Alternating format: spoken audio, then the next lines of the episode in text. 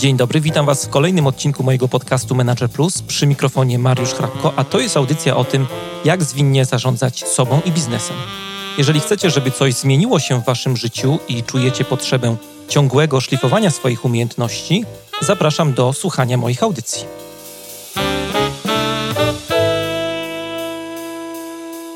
To jest podcast Manager Plus. Dzisiejsza rozmowa jest w pewnym sensie kontynuacją rozmowy, czy może wątku, który kilka tygodni temu rozpoczęliśmy w podcaście e, z Zuzą Skalską. To był odcinek 128, jeżeli ktoś chciałby e, odszukać, a rozmawialiśmy o projektowaniu przyszłości wtedy. No i dzisiaj e, dalej będziemy o tym mówić. Będziemy kontynuować temat, który rozpoczęła Zuzanna, ale chcielibyśmy to bardziej przekuć na takie konkretne działania już w organizacji, jak y, pracować z sygnałami zmian i jak y, budować innowacje. No i z tej okazji do programu zaprosiłem dzisiaj Rafała Kołodzieja, który jest współinicjatorem Green Hat Innovation Future Thinking Group. Y, jest strategiem i projektantem usług na co dzień. Rafale, witam cię bardzo serdecznie w moich skromnych podcastowych progach. Cześć. Cześć, cześć wszystkim. Na początek nie chciałem jakoś tak wchodzić w szczegóły tego, co robisz, bo najlepiej będzie, jak sam nam trochę poopowiadasz, czym się zajmujesz, oprócz tego, że projektujesz przyszłość, jakbyś mógł coś więcej powiedzieć na ten temat. Kurczę, nie wiem, czy to, czy to jest dobre określenie, projektuje przyszłość. Mhm. Jedną z rzeczy, którą się zajmujemy z ZUSką, ale też z zespołem u nas, to jest y, otwieranie ludzi na możliwe przyszłości. Mhm. To jest bardzo istotne. Znaczy, to nie, to nie jest kwestia, że my zaprojektujemy sobie przyszłość i ją stworzymy i ustawimy sobie pewien kierunek działania. Mhm. To jest kwestia jakby zmiany sposobu myślenia o, o przyszłości z perspektywy tak tu i teraz na, na nowe możliwości. Teraz ponazywanie tych nowych możliwości jest istotą. Mhm. Fajnie, fajnie, że od tego zaczynasz, bo tak sobie tutaj układałem trochę naszą rozmowę w głowie i tak sobie pomyślałem, że no właśnie, ten temat jest taki bardzo wieloznaczny i myślę, że jak y, taka typowa osoba chciałaby cię zapytać, czy w ogóle zrobić jakiś wywiad z tobą, czy z Zuzą, to takie pierwsze pytanie, które się ciśnie gdzieś tam na język, to jest jak będzie wyglądała przyszłość, a to, co mówisz, to ten horyzont myślenia o przyszłości jest ważny. W ogóle jak, jak powinniśmy do tego podejść? Powiedziałeś już, że nie ma jednej przyszłości, jest ich wiele. Jak powinniśmy myśleć w ogóle o przyszłości, żeby sobie zadawać takie pytanie, jak będzie w tej przyszłości? Czy ja bym w ogóle chciał zejść z takiego tonu mentorskiego, jak powinniśmy. Mhm. Dobra, jasne. Ja mogę, ja mogę się podzielić moimi doświadczeniami bardziej niż tym, żeby mówić ludziom, jak mają, jak mają myśleć. Mhm, super. E, to jest, to jest pierwsza rzecz. E, ja, ja, ja, ja od innej strony zacznę. Wiesz co? Ja, się zająłem pewnie tym takim popularnym, mega popularnym design thinkingiem pewnie ze 12 czy 14 lat temu już w tym momencie. I y, jak, jak pracowaliśmy, jeżeli tam jest, y, y, jeżeli tam jest human-centered approach i to jest na, na, nastawienie na człowieka, nastawienie na projektowanie w, z perspektywy potrzeb człowieka, to ileś razy robiliśmy projekty. I te projekty, w których byliśmy w 100% nastawieni na potrzeby człowieka, wy, wymagały od nas realizacji badań.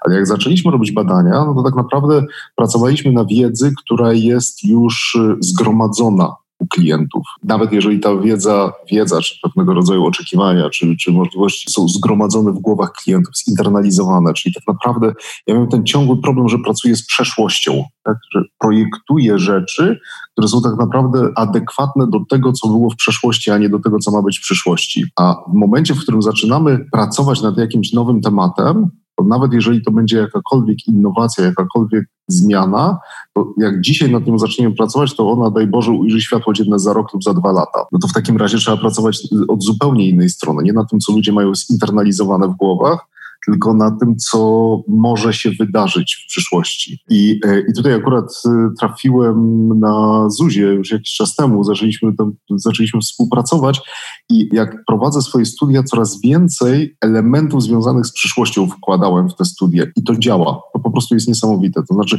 przestaję myśleć od tu i teraz, zaczynam myśleć o nowych możliwościach, czyli zaczynam sobie kombinować, a co by było, jakbym poszedł w tym kierunku, a co by było, jakbym poszedł w tym kierunku i zaczynam sobie wizualizować te kierunki. Jak sobie je zwizualizuję, to łatwiejszy staje się wybór.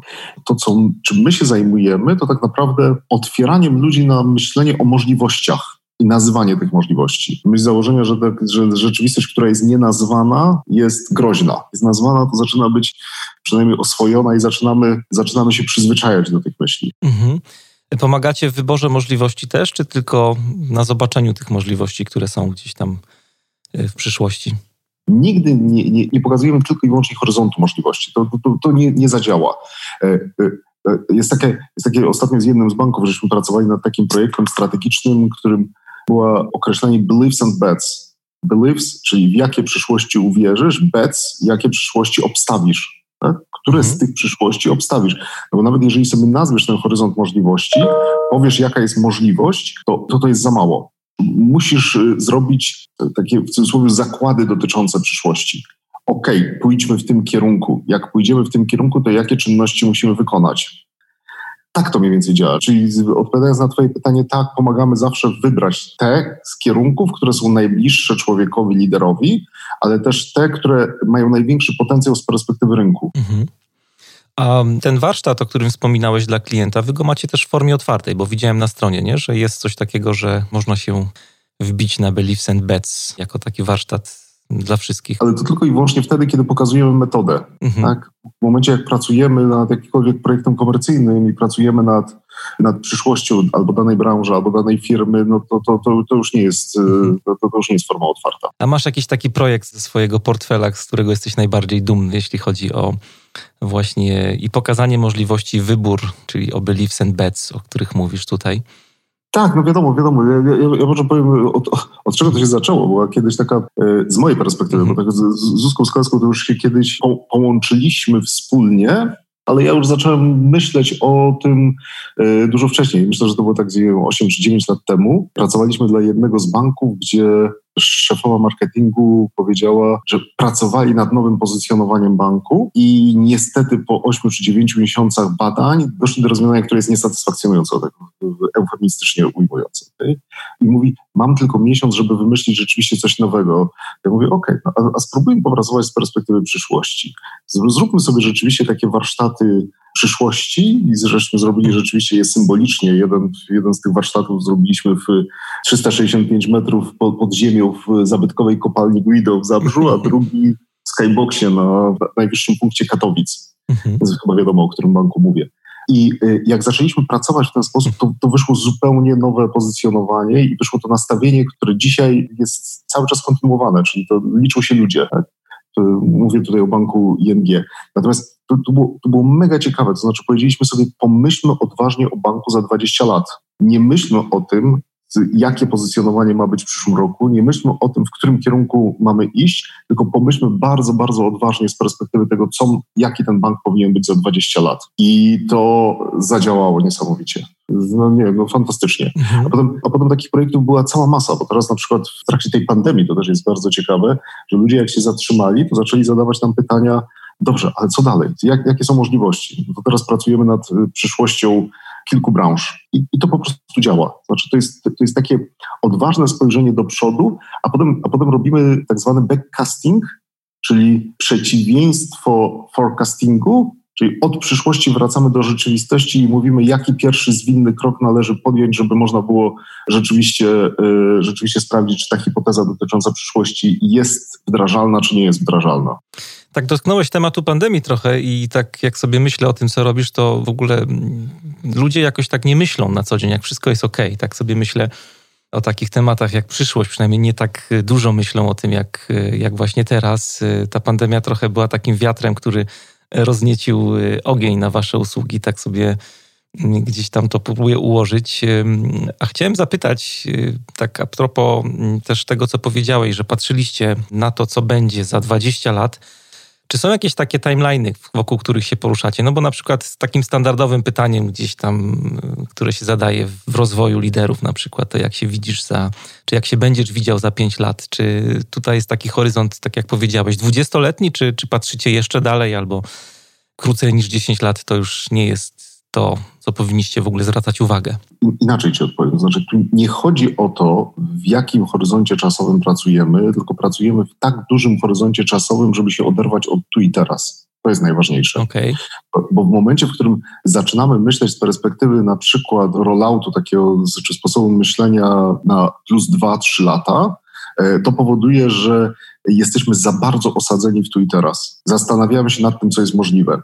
Natomiast y, co jest możliwe z perspektywy dzisiaj. Natomiast mhm. jeżeli prowokacyjnie myślimy z perspektywy plus 10 czy plus 20, to odrywamy się od tego, co jest dzisiaj. To jest bardziej chodzi o pewnego rodzaju ćwiczenie i oderwanie się od tu i teraz, niż o, niż o to, żeby rzeczywiście zrobić taki adekwatny rollout na, na plus 20 lat. Mhm. Mamy dzisiaj rozmawiać o budowaniu innowacji i o pracy z sygnałami zmian. To jest też taki termin którego mm, używasz, używacie w swojej branży, że tak powiem. E, jak w ogóle mm, ty, mm, Rafał, rozumiesz innowacje? Co to słowo dla ciebie znaczy? Wiele, wiele razy na ten temat rozmawialiśmy i wiele, wiele jest definicji. Ja, ja, ja lubię, że to jest zmiana, która niesie wartość. To jest najprostsze określenie. Jakakolwiek zmiana, która niesie wartość. Tak? I teraz wartość dla kogo oczywiście, to, mhm. jest, to, to jest pytanie. Teraz, jeżeli to będzie zmiana, jeżeli ona przyniesie wartość dla organizacji, dla klienta, dla społeczeństwa, dla kogokolwiek, to, to, to będzie innowacja. A teraz poruszyłeś tę, kwestię sygnałów zmian. To, to, to, jest bardzo ciekawe, no bo mamy takie, takie, wracam zawsze do myśli y, Williama Gibsona, który powiedział, że przyszłość już się wydarzyła, tylko nie została równomiernie dystrybuowana. To zdanie, które jest takim, takim mhm. taką bazą koncepcyjną do sygnałów zmian. To działa to w ten sposób, to jest bardzo proste, działa to w ten sposób, że, że ta przyszłość już się wydarzyła w bardzo wielu miejscach. Czy ona się wydarzyła na Stanfordzie, w MIT, a może na ulicy w Nowym Jorku, a może na ulicy w Singapurze, w różnych miejscach. To, to to, w Duchnikach na przykład gdzieś. Gdzie? W Duchnikach na przykład gdzieś. Na przykład. W bardzo wielu miejscach. Mm. Większa szansa jest, że ona się wydarzyła na ulicy w Nowym Jorku lub w Szanghaju niż w Duchnikach. Okej. Okay. bardziej, bardziej o to chodzi, że, że, są takie, że są takie miejsca, takie ośrodki, ośrodki na świecie, które myślą do przodu, które, które budują, które próbują, które coś, coś wdrażają. Teraz zauważ, jak siedzimy, czytamy jakąkolwiek gazetę, albo siedzimy i czytamy, e, oglądamy wiadomości, czy oglądamy jakieś, jesteśmy zalewani tą, tą, tą, tymi informacjami, to każdy z nas jest wystawiony na dziesiątki sygnałów zmian. Tylko jest kwestia tego, żeby być na nie wyczulony i nauczyć się je odbierać, nauczyć się na nich pracować. Tych sygnałów zmian codziennie mamy masę. My, ma, my mamy taką e, metodę systematycznego zbierania tych sygnałów zmian, bo my pracujemy w wielu branżach. Jeden z naszych klientów e, teraz ostatnio powiedział, wy wiecie nic o wszystkim. I to jest wartościowe, dlatego że ja siedzę w jednej branży i wiem wszystko o tym jednym, a mówi, no, oczywiście żartem, nie, ale mówi, wiecie nic o wszystkim.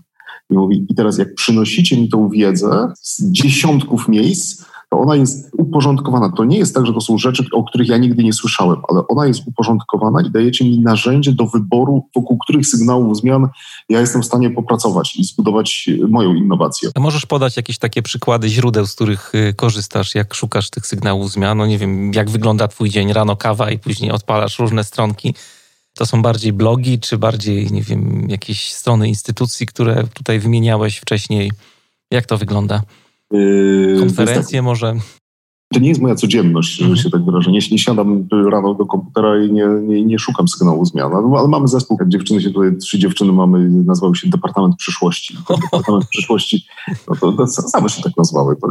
Powiedziałem, okej, okay, bardzo fajnie. Yy, współpracują na co dzień z ZUSką. Tak naprawdę, tak naprawdę to zobacz, no, co robi Zuza Skalska? Ona jeździ po świecie, po konferencjach, po różnego rodzaju firmach, targach, konferencjach, czy tablogi, czy te inne rzeczy i ona non-stop generuje, non-stop generuje treści. I te treści, treści są też e, tutaj do nas wysyłane. Dziewczyny nasze, nasze też siedzą i ryją internet. W większości jeździ, jeździmy na różnego rodzaju targi.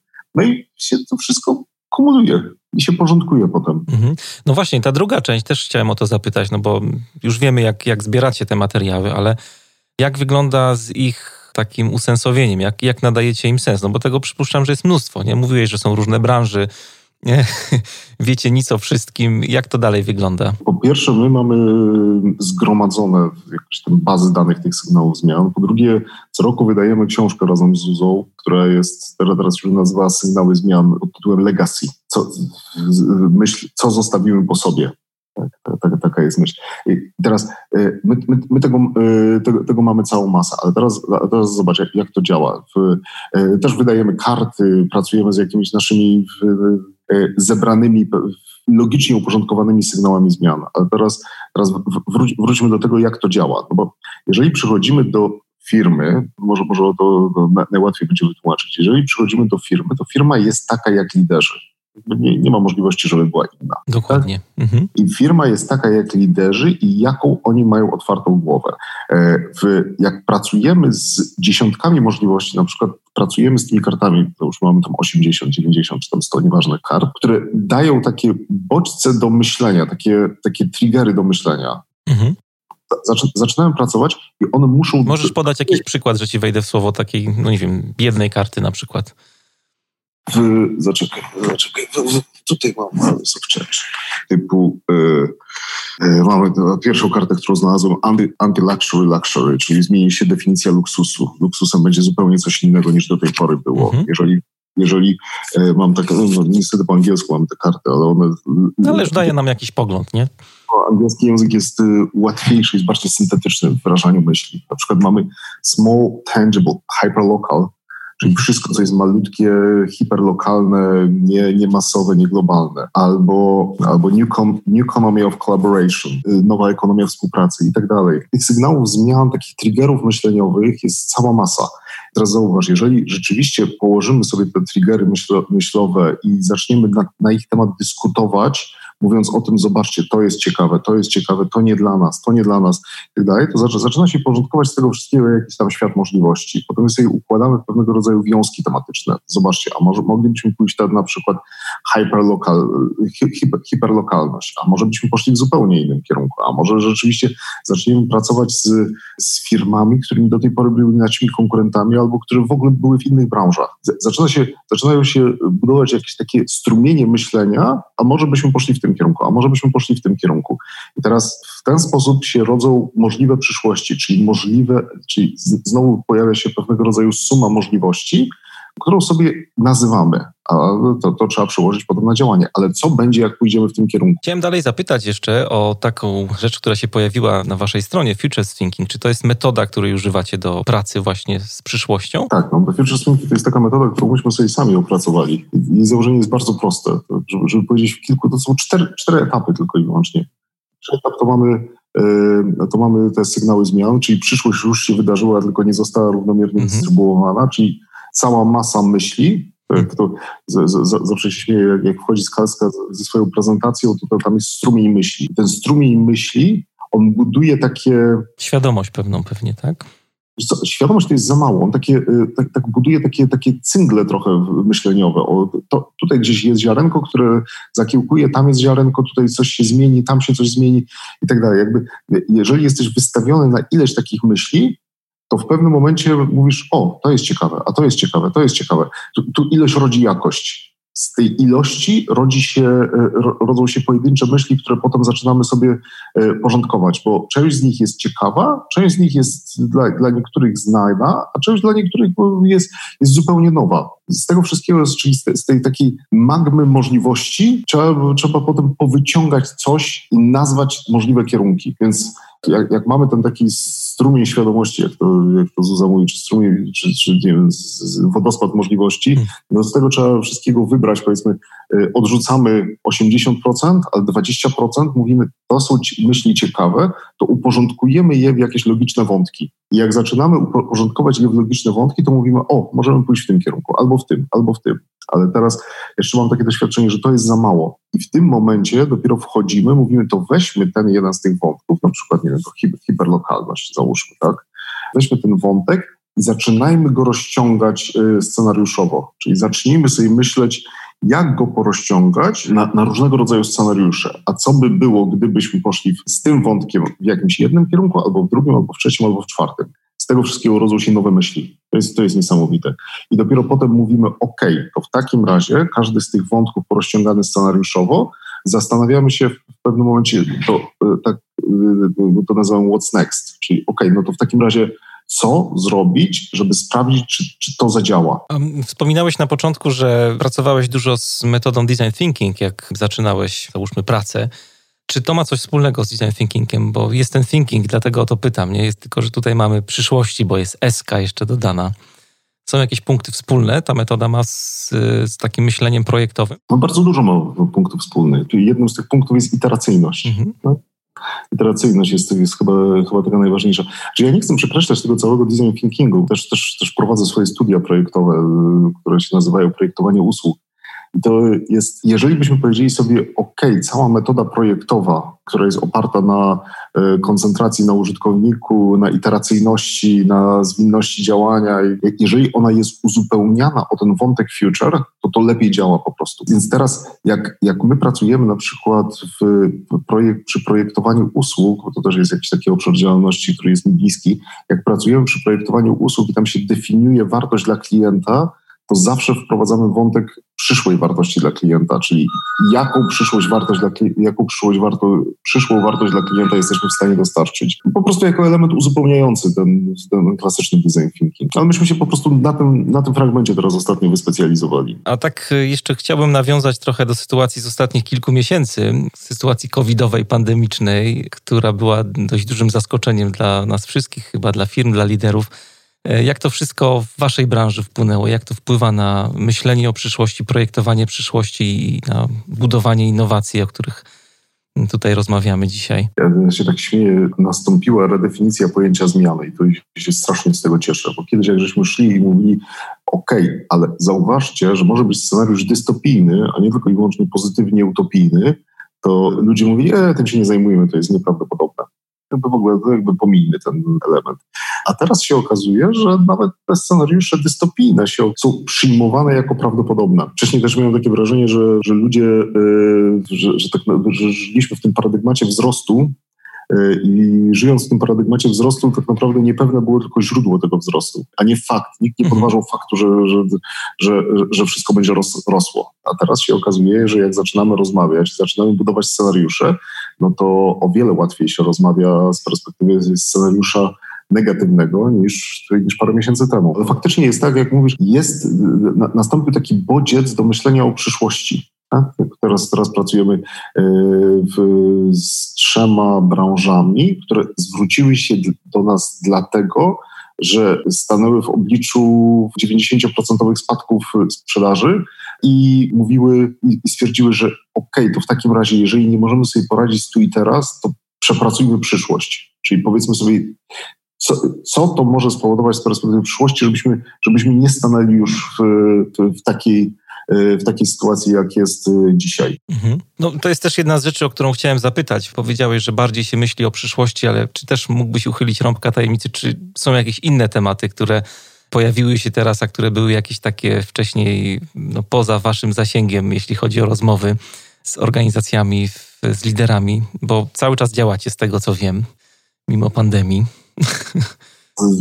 Że cały czas działamy. U nas też nastąpiło przyspieszenie. Jakby jest, yy, mam wrażenie, że pracujemy dwa razy więcej niż przed mhm. pandemią. No tak też Zuza właśnie mówiła i dlatego chciałem o, o to dopytać, jakie tematy się przewijają teraz. Czy to jest cały czas to samo, jakby dla was to samo oczywiście, czy oprócz tej przyszłości jeszcze są jakieś takie zworniki, które się pojawiły w myśleniu, w mówieniu, w rozmowach? Wiesz co, ja, ja, ja tak jak mówię, no, przyszłość jest tylko i wyłącznie metodą na coś. To, to nie, nie jest celem samym sobie. Tak? Mhm. Tym celem jest taka pozytywna zmiana, czyli jak mówię, to, to, ta zmiana, która niesie wartość. No bo jeżeli, jeżeli jest tak, że organizacje y, organizacje bardzo często, firmy, biznesy, ale też organizacje publiczne bardzo często y, chcą zmiany na poziomie deklaratywnym. I to też jest bardzo trudne. No, na poziomie deklaratywnym chcemy zmiany, a na poziomie realnym pracujemy trochę jak wańka wstańka i cofamy się do, do stanu przeszłego. Fajnie, zróbmy sobie jakieś ćwiczenie, ale tak naprawdę możemy się cofnąć krok wcześniej. Więc z naszej perspektywy ta przyszłość jest, jest trochę takim kopem, bodźcem do myślenia, do, do innego myślenia. Ja też wiem, wiem widzę i to i zauważyłem, że wiele razy trzeba wypracować nawet nowy język porozumiewania się, zupełnie zmienić schemat y, narracji wewnątrz organizacji, żeby ona zaakceptowała zmianę. To musi się pojawić nowy język, kierunek. Kierunek się pojawia tylko i wyłącznie z perspektywy przyszłości. E, w, a w, i, i, przełamanie schematu myślowego, który jest w, głęboko zakorzeniony w tej organizacji. A też Z... Y, robicie tego typu rzeczy, czy tylko bardziej to jest pokazanie pewnego krajobrazu, horyzontu możliwości i ukierunkowanie na jakiś wybór?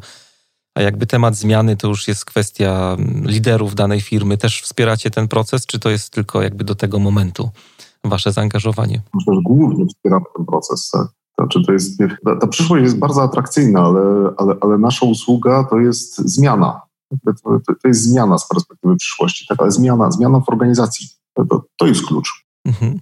E, więc teraz można sobie mówić o tej przyszłości, ale przyszłość jest tylko narzędziem do czegoś. Po co, po co my o tym mówimy? Jakiś czas temu przeczytałem taki bardzo fajny artykuł naukowy, w którym, w którym było pokazane, przebadane, nieważne jaką metodą, ale, ale, ale, ale, ale przebadane było, jakie czynniki wpływają na to, że firma jest bardzo innowacyjna.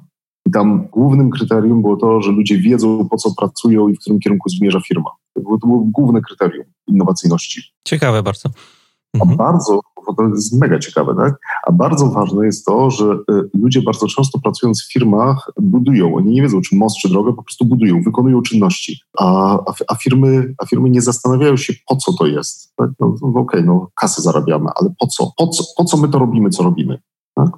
Więc teraz ta perspektywa future rzeczywiście nadaje inny schemat myślenia, ustawiamy się w pewnym schemacie myślowym, ale też budujemy, budujemy zmianę w organizacji, wewnątrz organizacji. I tak naprawdę nasza usługa głównie polega na zmianie, a nie na, nie, nie na stworzeniu tych scenariuszy przyszłości. No najtrudniejsze pewnie w, w, tej pracy jest praca nad takimi modelami mentalnymi ludzi, nie nad tymi wszystkimi mapami psychicznymi, które nas mocno ograniczają w myśleniu no, o przyszłości, o tych zmianach, o innym myśleniu, o zmianie, o, o czym tutaj opowiadasz nam to jest ciekawe, wchodzimy na przykład z, z, z poziomu zarządu i z poziomu e, nie wiem, management teamu, czy, czy jakichś tam dyrektorów głównych, e, zaczynamy z nimi pracować, rozmawiamy o czymś i wyraźnie widać, e, na przykład na warsztatach wyraźnie widać modele mentalne każdego z nich. To jest po prostu coś niesamowitego kto jak myśli, kto jak łączy ze sobą kropki, kto w jaki sposób jakby e, buduje, kto jest odważny, kto jest zachowawczy, kto, kto, kto myśli tylko i wyłącznie zamknięciem kwartału, zamknięciem roku, a, a, kto, a kto myśli szerzej.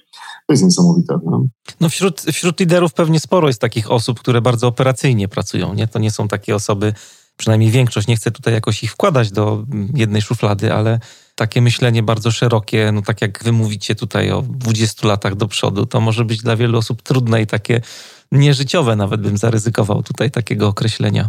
Absolutnie. Wiesz co, nie, nie, nie, nie, nie, nie czepia się tej liczby 20 lat do przodu. Tak? Raczej, raczej pomyślmy sobie z perspektywy do przodu, czyli, czyli pomyślmy sobie e, trzy kroki do przodu, a nie to, no, nie chodzi mi o to, żeby 20 lat tutaj padło. No jasne, ja się tak też przyczepiłem tych dwudziestki, tak ale to jest, ale to jest niesamowite. No, to znaczy, to, mówisz wielu liderów, to znaczy, to też jest, to też jest ciekawe. To znaczy, gdzie, kto jest liderem, a kto jest menadżerem. No, wiele osób w firmach jest wykształconych, żeby być menadżerami w tych firmach.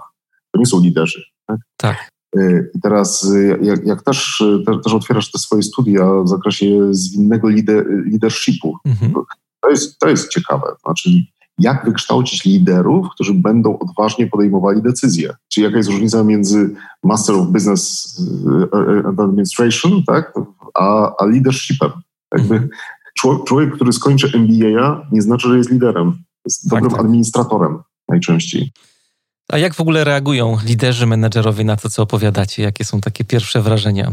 Bo przypuszczam, że tak jak mówiłem wcześniej, że na poziomie zarządu to o takich tematach jak sens, jak purpose, jakieś takie głębokie cele, w których, których zmierzamy, jest łatwiej o tym rozmawiać. A jak reaguje taka, taka kadra związana ze średnim szczeblem, można powiedzieć, w organizacji? Abstrahując od cech osobniczych, no bo każdy mm -hmm. człowiek jest inny, mm -hmm. to bardzo pozytywnie. Ludzie mówią, Jezu, nareszcie będziemy wiedzieli, o co im chodzi. Tak? nareszcie będziemy wiedzieli, co, po, po, co to robimy. I to, I to, jest niesamowite. Ludzie potrzebują sensu. Już zauważyłem wielokrotnie. Ludzie potrzebują sensu, no bo tak naprawdę po co pracujesz? Wykonujesz coś, bo się z czymś utożsamiasz w dużej mierze. Szczególnie teraz mówi się o, to, o, tych, o tym młodym pokoleniu, które tak potrzebuje, potrzebuje sensu, znaczenia, czyli czegokolwiek takiego, ale tak naprawdę ludzie są zmęczeni wykonywaniem rzeczy, które których nie widzą celu, nie widzą sensu. No i też do tego też autonomia dochodzi, nie? Akurat patrzę z perspektywy zarządzającej, przywódczej, nie? że teraz coraz więcej jakby motywacja płynie z tego, że oprócz poczucia sensu ludzie mają też poczucie takiej sprawczości i wolności w tym, co robią i to też dla wielu liderów nie jest łatwe, jeśli chodzi o przekazywanie tej władzy E, do zespołów. Tak, ale zobacz, ale poczucie sensu y, daje, y, związane jest z autonomią, no bo jeżeli ja coś robię, no to dokładam jakąś cegiełkę i widzę jakby teraz z z jedną firmą pracujemy nad takim projektem, który się nazywa Greater Purpose, tak zwany, tak? czyli wyższy cel, po co my istniejemy.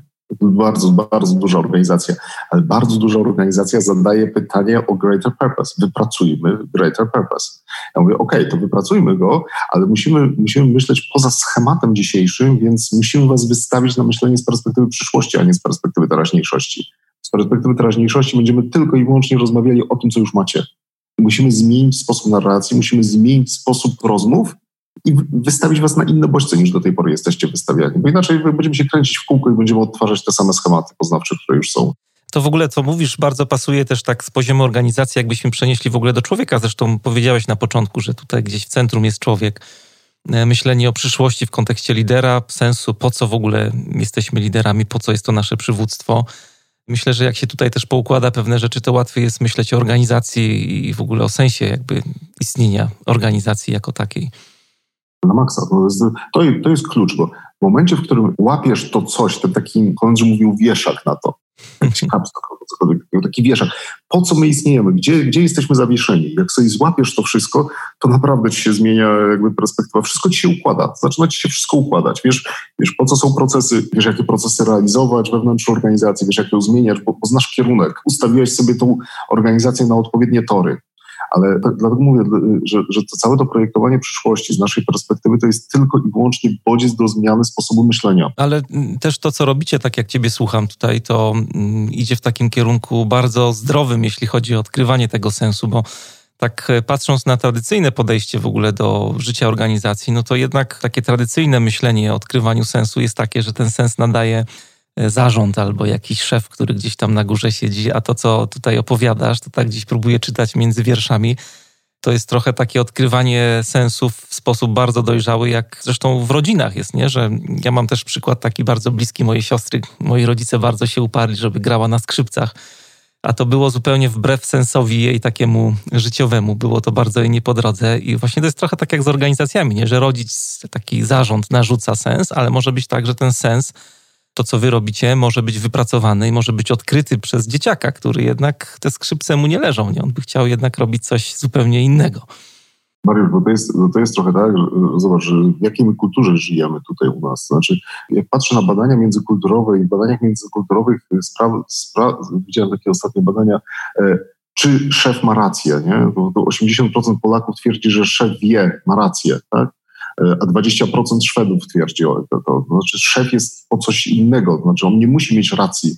On nadaje pewnego rodzaju ton, nadaje kierunek, nadaje sprawczość tak? I, i organizuje, ale nie musi wiedzieć. Dokładnie, tak niesamowite jest to, że, że, że chyba, chyba taki prawdziwy leadership zaczyna się od takiego momentu, w którym wiem, w którym nawet stwierdzenie się pojawia, że wiem, że, może, że mogę nie wiedzieć. Takie przyznanie się i e, okej, okay, to wypracujmy razem coś. Tak? Jak my w tych procesach pracujemy, to w tych procesach jest tak, kiedyś rozmawiałem z, z, z burmistrzem jednego miasta i on powiedział, bo mój tata zawsze mówił dobra rada i od dziada. Tak? I, i, e, oczywiście to w cudzysłowie, ale teraz, ale teraz naprawdę dobry pomysł może wcale nie, nie, nie wychodzić od prezesa zarządu. Może wyjść z, każd z każdego miejsca, tylko weźmy to na tapetę i przepracujmy wspólnie, przyznając się, że możemy nie wiedzieć. Mhm. A, a teraz mówię, że, że cała ta metoda Futures, ona jest tylko i wyłącznie prowokacją do zmiany sposobu narracji, żebyśmy nie koncentrowali się na tu i teraz.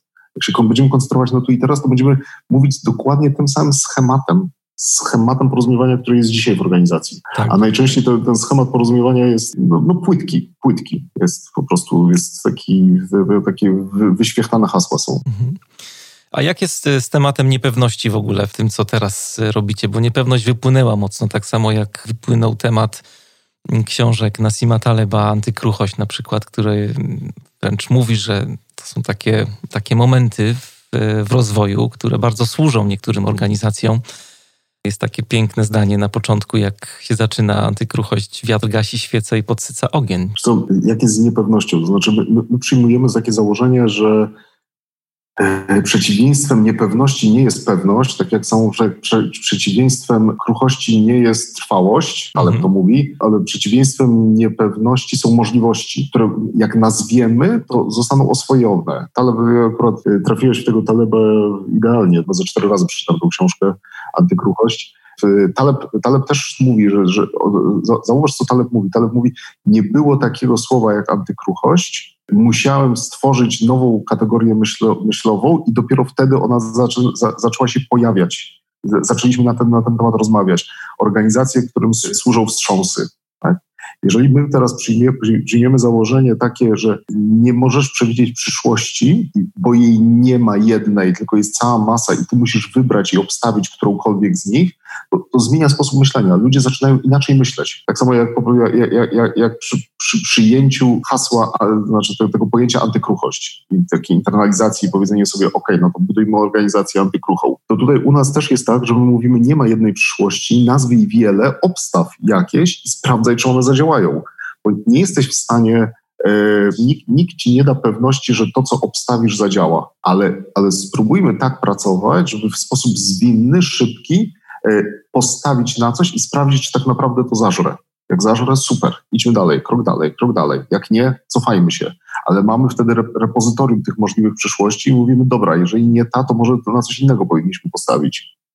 No mniej więcej jak w, tym, jak, jak w myśleniu projektowym jest ta faza ideacji. No faza ideacji jest po to, żeby wygenerować ileś tych pomysłów, ileś tych myśli, Potem prototypujesz też jakieś jedną, dwie, a nie wszystkie, ale masz repozytorium tych myśli. Mhm.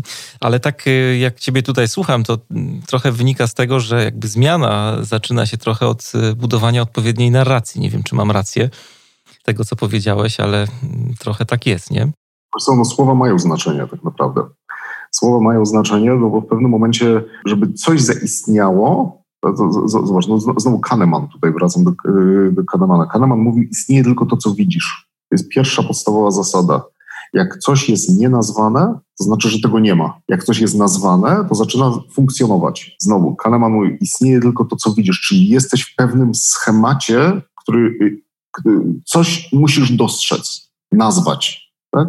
Jeżeli, jeżeli, ten, jeżeli projektanci żyją w, w, w kulturze obrazka, to menadżerowie żyją w kulturze słowa bardziej, ewentualnie w kulturze liczb, ale to jest Excel, tak? a Excel mhm. trochę, trochę, trochę, trochę nie, no, jest, jest to stwierdzenie, Excel i PowerPoint przyjmie wszystko, tak? No, ale to bardziej w kulturze słowa. Więc, y, więc zmiana zaczyna się od nazwania. To jest strasznie trudne, bo, y, bo mamy taką tendencję do y, mówienia wielkich słów, a te, a te, wielkie słowa najczęściej nic nie znaczą. Ale w ogóle język, język jest takim fajnym nośnikiem. Ja, ja, często mówię, że to jest taka podstawowa metryka, po której poznacie, jaką macie kulturę organizacyjną, też jak e, pracuję z firmami w kontekście podejścia agile i wszyscy mówią, jesteśmy agile, ale jak słyszę, jak rozmawiają ze sobą, my biznes, oni IT na przykład, no to znaczy, że jeszcze nie są agile, że ciągle jest ten podział, nie ma tej takiej mentalności wszyscy działamy razem. Nie? Kultura organizacyjna i właśnie ten nośnik językowy, w ogóle nie tylko jeśli chodzi o kulturę, ale o pewną rzeczywistość, którą mamy w firmie, no to język jest świetną taką, świetnym KPI-em, który wiele pokazuje, jak organizacja działa. To znaczy w ogóle język i sens. To, to, to są dwa elementy, które są to właśnie. Język i, y, i sens. I y, jakby po co to robimy, żeby to nazwać w bardzo szybki, prosty sposób. To jest y, turbo ważne. Jeżeli, jeżeli to nazwiemy, jeżeli to będzie jasne i internalizowane przez całą organizację, to jesteśmy wygrani. To potem się zastanawiamy jak, ale nie, nie zastanawiamy się co i nie zastanawiamy się dlaczego według tego, tych, tych synkowych why. E, od tego się zaczyna, tak? Ale zaczyna się od takiego momentu, aha, to, to w tym kierunku idziemy, to po to idziemy, to, to robimy. Ja tak zawsze, zawsze mówię, jakby, żeby, żeby stworzyć coś nowego, trzeba znaleźć zupełnie inną metrykę językową. To, to, o czym powiedziałeś przed chwilą, tak? Jakby nazwać rzeczy i, i, i to, coś, to jest coś niesamowitego, że po nazwaniu to zaczyna istnieć po nazwaniu to zaczyna być oczywiste wszyscy mówią, tak, to jest to. to. Mieliśmy to na końcu języka. Tylko różnica pomiędzy wypowiedzeniem a posiadaniem na końcu języka jest kolosalna. No tak. To jest taka przestrzeń między bodźcem a reakcją trochę, jak u Kawei. trochę tak. Między, między, tym prawie, wiesz, tak w, w, jednej z reklam było prawie jak piwo, tak? To, to, to samo, no, prawie wiemy, to jest tak, to jest suma chaosu. Ja miałem takie ćwiczenie, uwielbiam. Ja, jak, jak mówimy z perspektywy klienta, to napiszmy sobie pięć rzeczy, które ten klient potrzebuje. Ja, jeden z prezesów takiej bardzo, bardzo dużej firmy, już nie będę o, o, o tym mówił, powiedział, co, co ty za głupotę opowiadasz, trochę, trochę były dobitniejsze, ale co ty za głupotę opowiadasz, wiadomo, czego klient potrzebuje. Ja mówię, dobra, napisz to. napisał i jego zastępca napisał pięć rzeczy, on napisał pięć rzeczy. E, jak myślisz, ile się powieliło pomiędzy tymi rzeczami? No, Żadna. No, no, myślałem o jednej chociaż. Żadna. Żadna. I dopiero on wtedy powiedział, o kurczę, chyba rozumiem, o czym mówisz. To nie jest takie proste. Ja mówię, no nie jest takie proste. No bo de facto, jeżeli ludzie, którzy na co dzień ze sobą pracują, e, nazwali prostych pięć rzeczy, które są najważniejsze dla klienta, kompletnie czymś, kompletnie inne były, to on dopiero mówił, mm, no rzeczywiście, no dobra, okej, okay, to rozumiem, to pracujmy nad tym. No i podobnie też jest z kulturą organizacyjną. Są, są badania, które przeprowadzane są w firmach, gdzie na przykład jak dyrektor wypełnia kwestionariusz taki ewaluacyjny, to wyniki są zupełnie różne niż zespołu, który pracuje w jego departamencie na przykład, nie? Tak trochę tak. nawiązując do tego, co mówisz. Tak, ale to jest powszechne. To jest powszechne. I teraz, teraz zobacz, bo każdemu z nas się wydaje, każdy z nas jest mądry, każdemu z nas się wydaje, że, że jego racja to jest y, uznawana przez wszystkich, a jeżeli nawet nie jest, no to tak naprawdę różnice są niewielkie, tylko te różnice są kolosalne. One są olbrzymie. E, I dopiero wtedy, jak, e, jak poukładamy ten sposób myślenia i sposób narracji, to wtedy wszyscy mówią, aha, to wiemy w którym kierunku, wiemy o co chodzi. I tak jak mówię, jakby przyszłość nie jest celem samym sobie, przyszłość jest tylko i wyłącznie narzędziem do tego, żeby zmienić. E, tak nawiązując jeszcze do Taleba i antykruchości, tak słyszałem, że skoro cztery razy czytałeś książkę, to musiało ci się podobać to, co tam jest napisane. Ale tak y, nawiązując do też rzeczywistości biznesowej, wydaje się, że idziemy w tym kierunku, że jednak ta niepewność staje się pożywką dla wielu y, organizacji i te organizacje przetrwają, które sobie z tą niepewnością będą radzić i ta niepewność będzie ich jakoś napędzać. Masz jakieś takie przemyślenia związane z tym, na co firmy powinny zwracać uwagę, żeby być takie właśnie antykruche?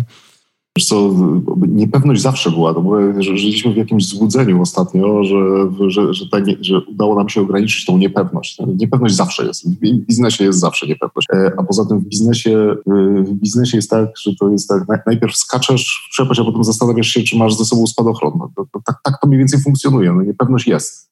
Ale też ci wejdę od razu w słowo, bo też mam podobne przemyślenia zupełnie. Jak odniosę to trochę do swojego podwórka i metod agile'owych i bardzo dużo żeśmy o tym mówili wcześniej, przed całym COVID-em, że zmiana jest czymś normalnym jakby w procesie tworzenia produktów. A teraz y, mam też takie wrażenie, że cała ta ostatnia sytuacja podkreśliła grubym markerem właśnie to słowo niepewność, że to jest coś takiego, co jest częścią y, tego horyzontu, w którym się poruszamy, biznesowego. Wiesz co, ja tutaj się zgadzam, bo tak naprawdę firmy takie, to jest taki, y, y, żyjemy w paradygmacie takiej pewności, e, konieczności pewności, minimalizacji niepewności, w ogóle nie chcemy akceptować niepewności, tak? Nie chcemy, a, ryzyko to jest tylko i wyłącznie na papierze napisane, tak? No, ale ryzyko to jest też, to, to, to jest y, zdolność do poradzenia sobie z tą niepewnością, tak? tak. Teraz z jednej strony to jest tak, to jest zwinna, zwinna praca i przyzwolenie na, na popełnianie błędów, na ryzyko i tak dalej. To, to, jest, to jest kluczowe, konieczne. Tak? A poza tym człowiek, y, człowiek y, wpada na genialny pomysł, który, który niekoniecznie musi być taki genialny. Tak? Musi dać sobie przyzwolenie na to, że to nie jest, że to nie jest prawda objawiona, to na co wpadł. I, to, i te procesy zwinne to umożliwiają.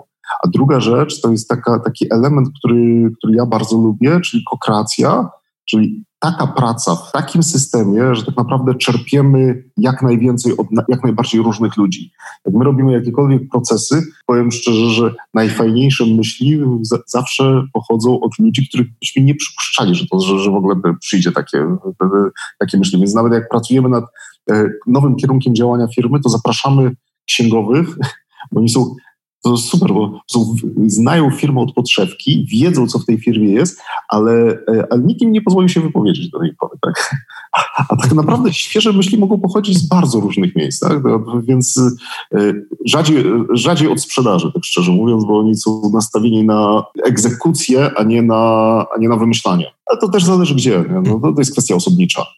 Wracając do tego, co powiedziałeś, zwinność, kokracja, tak? no i przyzwolenie na popełnianie błędów. Tak? To jest takie niby, niby banalne, ale, ale, to, ale, ale, ale to, jest, to jest rzecz, która jest rzeczywista, rzeczywiście konieczna. I, i, i te modele, y, modele pracy, one powinny być wypracowywane wewnątrz organizacji. Bardzo trudno jest wprowadzić jakiś model, przeszczepiając z jednej organizacji do drugiej. Tak, jest taka moda teraz na.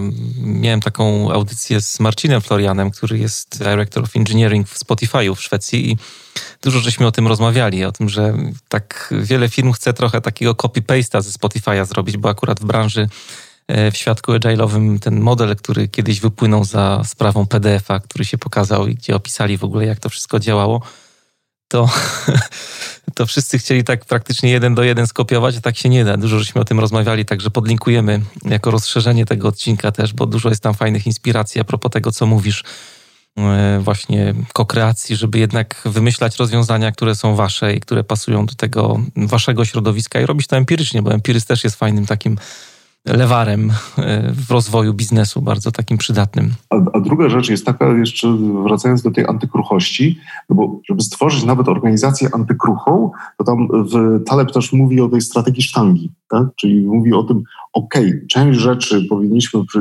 przeznaczyć na, e, na projekty bardzo wysokiego ryzyka, a część, a część dużo, drugą część powinniśmy przeznaczyć na projekty z minimalnym poziomem ryzyka. I teraz pracuję, a, a ja zauważam, że firmy, e, że w wielu firmach w ogóle się nie myśli o, o, o projektach wysokiego ryzyka raczej się koncentruje na tu i teraz i takiej optymalizacji status quo. Więc, y, więc tutaj y, to, to jest następne takie przyzwolenie na ryzyko, że, że coś nie wyjdzie. Tak? Żeby, żeby, to, żeby, żeby tutaj nie było wstydu, że coś nie wychodzi po prostu nie wychodzi. No, próbujemy następny raz, następny raz, następny. To jest trudne na pewno, ale też, e, tak jak mówisz, nieuniknione, konieczne, jeżeli organizacja chce się rozwijać i chce być innowacyjna, no to nie da się zamknąć, tak jeszcze raz to powiem, w czymś, co jest wygodne, komfortowe, w tym, co jest powtarzalne i daje nam dochód, no bo to też są takie projekty, które przynoszą kasę po prostu firmie i dlatego się wszyscy jakoś takich kurczowo trzymamy, ale na dłuższą metę bez myślenia takiego o tych ryzykownych rzeczach, o których mówisz, no to się nie da. No. Będziemy bardzo, bardzo narażeni na różne wstrząsy wtedy. Co, no nie da się, ale to jest tak, jak będziemy narażeni na wstrząsy, tylko, tylko to jest jedyna metoda tak naprawdę na rozwój, taki taki zorganizowany rozwój, czyli przyjęcie założenia, że duża część projektów nie wyjdzie. I tyle. No, to, to, to, tak, takie jest życie. No, jakby, nie, nie ma możliwości, żeby, żeby wszystkie projekty, za, za, które się weźmiemy, żeby wyszły. No to trzeba multiplikować liczbę ekspozycji na ryzyko, jak to mówi Taleb, czyli liczbę opcji. Kto cię inspiruje? w tej twojej działce przyszłościowej? Masz jakichś swoich guru, których czytasz, śledzisz regularnie? Do, wspomniałeś o Talebie, nie? ale Kahneman jeszcze, no jest, jest, jest, cała, masa, cała masa wiedzy, która jest zgromadzona w, różny, w różnych przestrzeniach. Tylko ja tak szczerze mówiąc nie mam jedne, jednego guru, bo to nie, nie, nie, nie o to chodzi. To znaczy trzeba, trzeba szukać, czytać różnego rodzaju no, generalnie ale na pewno masz jakieś, ostatnio mam też taką swoją teorię, że jakby każdy z nas ma jakieś takie książki, na których stawia swoje myślenie, to oprócz Taleba E, na czym postawiłeś swoje myślenie? Na czym? Na, na Kanemanie teraz ostatnio. Mhm. Przeczytałem ze cztery razy tą książkę. Pułapki myślenia. A, a, a, I jeszcze jedna rzecz, wracając do tego Taleba. Taleb bardzo ładnie mówi, jeżeli nie wiadomo, to też, też jest ciekawe, nie? On mówi tak, jak, jeżeli nie wiadomo, jakie zawody będą w przyszłości, w którym kierunku mamy, w którym kierunku przyszłość będzie szła, no to zadał mu tam, to, to co czytać, co czytać, jak, jak nie wiadomo, w którym kierunku będzie to szło, no to on odpowiada, czytajcie klasykę. Więc na, na, naprawdę jakby wiele rzeczy już było. Tak? I, i, I, te myśli już były. Naprawdę jest nihilnowi. Nie? Jest jakaś książka, którą dajesz y, ludziom najczęściej w prezencie, albo książki, oprócz trendbooka? Każdą nową, którą przeczytałem, wiesz? A dosyć dużo czytam, więc nie, nie, nie, jestem w stanie tutaj powiedzieć. Ja teraz akurat kończę taką książkę Fizyka przyszłości, w, w, którym, w którym jest y, o, o, opisane kierunki, kierunki, w których będzie y, szła nauka w najbliższych stu latach. No, no, no, różne rzeczy, czy po prostu całą masę. Ka, ka, każdą ostatnią książkę, wiesz, która mnie zafascynowała. rozmawialiśmy dzisiaj dużo o przyszłości, to tak bym chciał na koniec jeszcze nawiązać do przeszłości, bo mm, tak y, pytanie bardziej do ciebie. Czy jest jakaś rada, którą dałbyś sobie, jakbyś miał na przykład 20 lat i mielibyśmy wehikuł czasu i cofnąłbyś się wtedy do tego momentu? Co byś sobie powiedział wtedy? E, cierpliwości, wiesz, trochę. Prosta, prosta rada. Okej, okay, to przyjdzie z czasem. Jakby ileś razy, bo, znowu, jest tak, że ja, ja pamiętam, jakim byłem młody buntowniczy i mówi, mówiący ciągle, kurde, dlaczego, dlaczego to doświadczenie jest takie ważne? Dlaczego ono jest takie istotne? Przecież, kurde, ja mam tyle pomysłów w głowie, ale, ale ono jest ważne. Ono jest ważne. No i tyle. No, ileś razy musisz coś zrobić, żeby się tego nauczyć. Ileś błędów, błędów musisz popełnić. To jest podcast Manager Plus. Dzisiaj moim i waszym gościem był Rafał Kołodziej, CEO i współinicjator Green Hat Innovation i Futures Thinking Group, strateg i projektant usług. Rafale, ogromne dzięki za y, inspirującą rozmowę. Wielkie dzięki Mariusz. Wszystkiego dobrego. I to już wszystko na dzisiaj. Notatki do dzisiejszej audycji są do pobrania na stronie mariuszchrapko.com. Zapraszam też do zapisywania się na mój e, newsletter, jeżeli jeszcze tego nie zrobiliście. Tam oprócz e, takich informacji jak e, najnowsze odcinki podcastu, wpisy na blogu, zamieszczam też różne ciekawostki, których nie usłyszycie w podcaście ani nie przeczytacie na mojej stronie. No, jeżeli podoba Wam się ten podcast, to największą frajdę, jaką możecie mi zrobić, to powiedzieć o nim swoim znajomym, jeżeli tylko uważacie, że treści, o których tutaj mówimy, mogą się w jakikolwiek sposób przydać, albo zostawić sympatyczną e, ocenę lub recenzję mm, podcastu Manager Plus w iTunes. E, jest stosowny link e, zamieszczony w wpisie do odcinka, więc bardzo łatwo będziecie mogli coś takiego zrobić. Bardzo mi na tym zależy, bo dzięki tym waszym głosom mój program będzie mm, bardziej zauważalny w wyszukiwarce iTunes, a dzięki temu będę mógł docierać do szerszego grona odbiorców z góry. Ogromne dzięki za Waszą pomoc. Ja się nazywam Mariusz Hrabko. Trzymajcie się i do usłyszenia niebawem.